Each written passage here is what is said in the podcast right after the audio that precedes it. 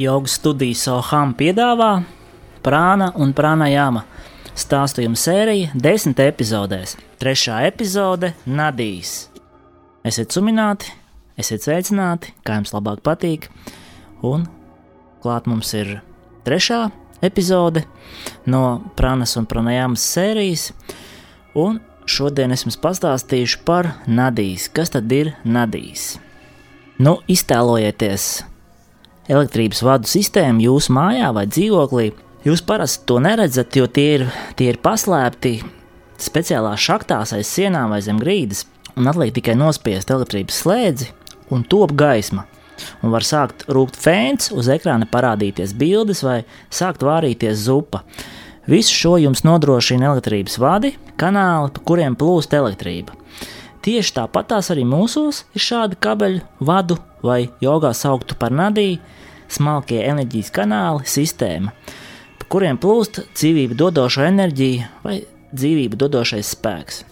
Nadija nav redzama līdzīgi kā elektrība, tie neatrodas fiziskajā ķermenī, bet mūsu smalkajā sistēmā, varētu teikt, praniskajā apvalkā. E, un Nadija tulkojas kā plūsma no sanskrita vārda, un to ir tiešām gaužām daudz. Pēc vieniem senajiem jogas tekstiem tie ir ap 72,000 mūsu ķermenī, pēc citiem pat vairāki simti tūkstošu šo smalko enerģijas kanālu. Pie kām pa šiem nādī plūst ne tikai prana, bet arī mentālie un garīgie strāvojumi, kas arī savā būtībā ir enerģijas formas. Nadī nogādā pranu uz nadī centriem, speciāli centri ķermenī, Un šos centrus uh, jogā sauc par čakrām. Un tālāk uz visiem ķermeņa nostūriem, uz orgāniem, orgānu sistēmām un uz šūnām. Un, ja kāds orgāns uh, nedarbojas pilnīgi, tas visticamāk varētu nozīmēt, ka nadija, kas nogādā prana tieši šim orgānam, ir traucēts un nepiegādā pietiekamu pranas apjomu. Un te mēs varam pieminēt jums jau daudz labāk saprotamu tēmu, un tā ir akupunktūra. Gan jau kāds no jums droši vien ir piedzīvojis šo te ārstniecības metodi. Eh, speciāli smalkas adatas tiek iedurtas dažādās ķermeņa daļās ar mērķi uzlabot viena vai otra orgāna vai orgānu sistēmas darbību. Un interesanti, ka nereti adatas dūriens nenotiek tieši akūtā orgāna tūmā, bet tas var atrasties pavisam citā ķermeņa daļā. Un tieši tas arī ir saistīts ar nadiju kanālu sistēmu. Visa akupunktūra ir bāzēta uz šo te kanālu, nadī kanālu ideju, vai kā viņi paši to dēvē par meridiānām. Principā tas ir viens un tas pats. Tātad ar adatām tiek ietekmēta vai stimulēta konkrēta nadīja kanāla plūsma, kas rezultējas sabalansētākā prānas kustībā un nodrošina konkrētā orgāna funkcionēšanu ierastajā režīmā. Citiem vārdiem sakot, mūsu akūtais orgāns vai orgānu sistēma tiek ārstēta ar prānas plūsmas ietekmēšanas palīdzību. Starp citu, jogā ir sava metode, saukta par marma jogu, kas ir gaužām līdzīga tikai adatu vietā, konkrētā vieta vai konkrētais punkts tiek masēts ar, ar pirkstu vai ar plaukstu vai pat ar dūri. Un rezultāts ir diezgan identisks akupunktūras efektam. Piezīmēšu arī, ka, protams, arī mārma joga skaitās holistiskās ārstniecības metode. Un tad, ja sabalansēta prāna plūst caur visiem nadī bez aizķeršanās, un tieši tā plūst šī prāna pēc regulārām pranajāmas vai mārmas jogas sesijām, tad cilvēks ir absolūti vesels gan fiziski, gan mentāli. Un pat ja vīruss vai slimība to skar, prānas aktivitāte to ātri sadedzina. Varētu pat teikt, ka regulāra pranajāmas praktizētāja ķermenī, ja slimība vispār parādās, tūlīt pat tranzītā tā arī izzūd.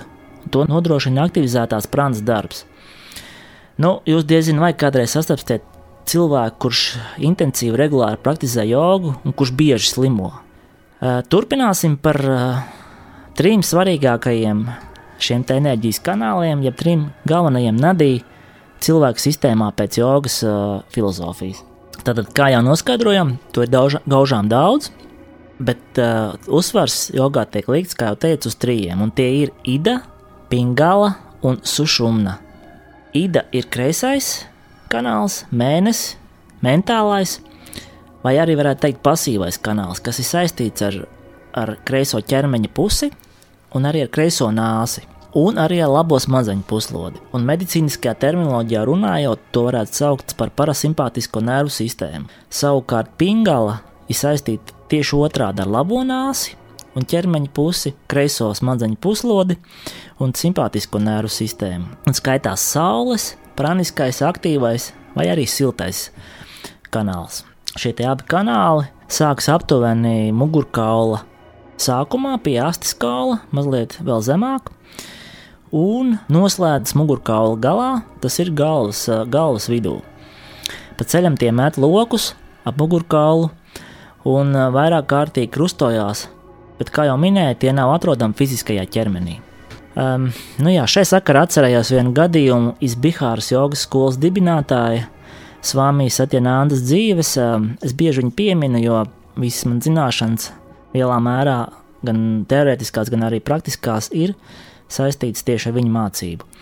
Nu, lūk, reiz kādā seminārā Anglijā viņš diskutēja ar kādas prestižas slimnīcas ārstiem, ķirurgiem, kuri viņam norādīja: Ziniet, mēs esam simtiem reižu griezuši vaļā cilvēku ķermeni, bet nekad neesam tur redzējuši ne nadijas, ne čakras. Savukārt, uz ko mazliet padomājis, svāmiem viņiem atbildēja: Ziniet, es esmu simtiem reižu skrūvējis vaļā radio aparātu, bet tā arī nekad neesmu tur iekšā redzējis ne BBC diktorus, ne laika ziņu lasītājus, ne arī dziedātājus. Tik daudz par redzamo un neredzamo, bet atgriežoties pie Nadijas stāstījuma, pats svarīgākais kanāls ir trešais kanāls. Centrālais kanāls saukts par sušumna Šīs kanāls sāk darboties tikai tad, kad ir sabalansēti abi iepriekš minētie kanāli. Kad sušumna plūst, tas nozīmē, ka gaiss vienmērīgi plūst caur abām nāsīm. Un tikai tad patiesībā pa īstam var sākties meditācija. Kad enerģija plūst pa šo centrālo kanālu, kurš atrodas mugurkaula rajonā, šī prāna maina savu formu, kļūst rafinētāka un tiek dēvēta arī par kundalīni enerģiju. Nu, varētu teikt, ka sušūmnas kanāla aktivizēšana ir pranajāmas un arī jogas pamatuzdevums. Mazliet par elpas plūsmu izstāstīšu, jau pieminēju. Tā tad jāpiezīmē, ka elpa neplūst vienmērīgi caur abām nāsīm visas dienas garumā. Šie cikli, kuros dominē viena vai otra nāsa, mainās ik pa 60-90 minūtēm, plus mīnus. Un to jūs arī varat paši pārbaudīt, vienkārši, vienkāršā veidā ar pirkstu aizspiežot vienu nāsi, pēlpojot, ar otru brīvo nāsi, un tad atkal otrādi aizspiežot otru nāsi un pelpojot ar pirmo nāsi. Pa kuru nāsi jums vieglāk elpojās, kuru vieglāk plūst gaisa, tā tad arī ir dominējošā nāsa. Savukārt, ja jūs pēkšņi konstatējat, ka visas dienas garumā jums dominē tikai viena nāsa, Nu, tas varētu liecināt par zināmu disbalansu jūsu praniskajā sistēmā, un tas visticamāk izpaudīsies, vai arī, vai arī jau ir izpaudies jūsu uh, fiziskajā veselībā. Vienkāršojot, ja dominē kreisā nāsa, esat mentāli orientēts, kas nozīmē, ka jūsu priekšrocība ir intelektuāls darbs vai arī darbs, kas prasa pastiprināt smadzeņu aktivitāti. Nesabalansējot abus kanālus, nu, pastāv risks piedzīvot uh, mentālas problēmas, tādas kā nomāktība vai depresija, vai arī varētu būt bezmiegs. Un labs risinājums šo stāvokļu novēršanai ir pastiprināt elpošanu caur pretējo nāsi, caur labo nāsi. Un to var darīt ļoti vienkārši, aizspiežot šo kreiso aktīvo nāsi un pāris minūtes pelpojot caur labo nāsi, ja tā nav galīgi bloķēta. Ir arī speciāls pranajāmas, esam arī mācījušies mūsu tiešsaistes sesijās, un šo pranajāmu sauc Surja bēdiep, tā ir tieši elpošana caur labo nāsi. Starp citu, sīkāk par dažādām pranajāmas tehnikām un to pielietošanu ikdienas dzīvē, kādā no turpmākajām epizodēm. Bet turpinot, ja konstatējat, ka regulāri dominē labā nāsa, nu tad visticamāk jūs esat orientēti uz aktīvu, dinamisku un fizisku darbību, vai vismaz jums ir noslēdz uz to. Nu, kā negatīvās izpausmes te varētu būt pāraktivitāte, kas var izpausties arī kā pārmērīgā runāšanā, dominēšanā, zināmā pāraktivitātē. Un līdzīgi jau kā pieminētajā iepriekšējā gadījumā, arī šeit dominējošo nāsi var pieregulēt, mazliet to piespiežot ar pirkstu un pelpojot ar otru nāsi. Vēl var, var, var pieminēt, ka dabā ir iekārtots tā, ka dienas laikā parasti dominē pingala, naktī ida. Tātad dienas laikā dominē aktīvais enerģijas kanāls, vakarā mentālais. Tieši tāpēc jogas skolotāji iesaka gulēt uz kreisā sāna, kurš nospiež šo te uh, mentālo kanālu un aktivizē aktīvo pingāls kanālu. Tas izklausās mazliet neloģiski, jo kādēļ gan naktī būtu jāstimulē enerģijas puse, vai ne? Mūsu aktīvā daba. Bet, nu, atbildi gaužām vienkārša. Tas ir saistīts ar to, lai veicinātu balansu, jo, kā jau teicu, naktī dominē mentālā enerģija, un ja mēs mazliet viņu piebloķējam, aktivizējam mūsu aktīvo enerģiju, tad rezultātā iestājās zināms līdzsvars, kas ir ļoti svarīgi gan mūsu ikdienas dzīvē, gan arī tad, ja jūs praktizējat jogu.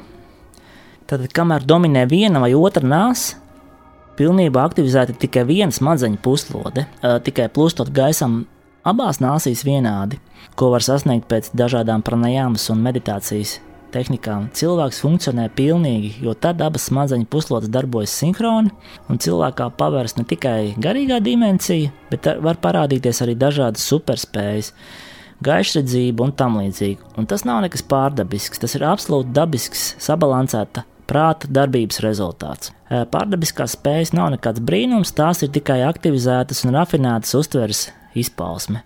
Mūsu pieci maņu orgāni, oža, garša, redzes, tauste un dzirde var funkcionēt arī smalkajā līmenī, kad šie maņu orgāni ir vērsti nevis uz ārpasauli un ārpasaules impulsiem, uz trokšņiem, smaržām, viņi var būt vērsti arī uz iekšpusi. Un šāds stāvoklis iespējams attīstot zināmas meditācijas prasmes ieradumus. Mēs esam pārāk fokusēti uz ārējiem stimuliem un ļaujam saviem maņu orgāniem bez apstājas reaģēt uz tiem, Joga māca un rekomendē prakses, kas dod iespēju šo procesu virzīt uz iekšpusi. Ja ar pranajāmas praksēm samazinām maņu orgānu intensitāti, mazinās arī domu straujā plūsma. Tas ir brīdis, kad iespējams centrēt apziņu un piedzīvot zināmu miera un klusuma brīdi. Brīdi ar sevi, brīdi ar patiesību. Un noslēgumā mazliet vēdisks pieskāriens. Varētu pat teikt, ka prāts ir konstants troksnis un apziņa ir klusums jo prāts ir visu laiku kustībā. Domas tās ir miljoniem un haotiski plūst, tās visu laiku mainās. Tas pats notiek arī ar vēlmēm, kaislībām, atmiņām. To ir daudz, un tās visu laiku atgriežas. Arī emocijas ir neskaitāmas, un arī tās mēs regulāri piedzīvojam. Tā tad ne domas, ne vēlmes, ne emocijas nav pastāvīgas, tās ir mainīgas. Bet kas tad ir tas, kas nemainās, kas paliek Kas to visu fiksē, kas to uztver? Ķermenis? Arī ķermenis jums ir mainīgs. Pirms 10, 20, 30 gadiem tas bija pilnīgi savādāks. Tagad tas ir savādāks, un pēc vairākiem gadiem tas būs atkal savādāks. Tad arī ķermenis jūs neesat, vai ne? Nu, tā sanāk. Bet kas tad jūs īsti esat?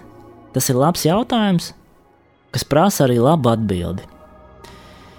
Ar šiem vārdiem arī gribētu noslēgt stāstījumu par Nadiju. Paldies jums par uzmanību, un tiekamies nākamajā epizodē. Visu gaišu! Soham!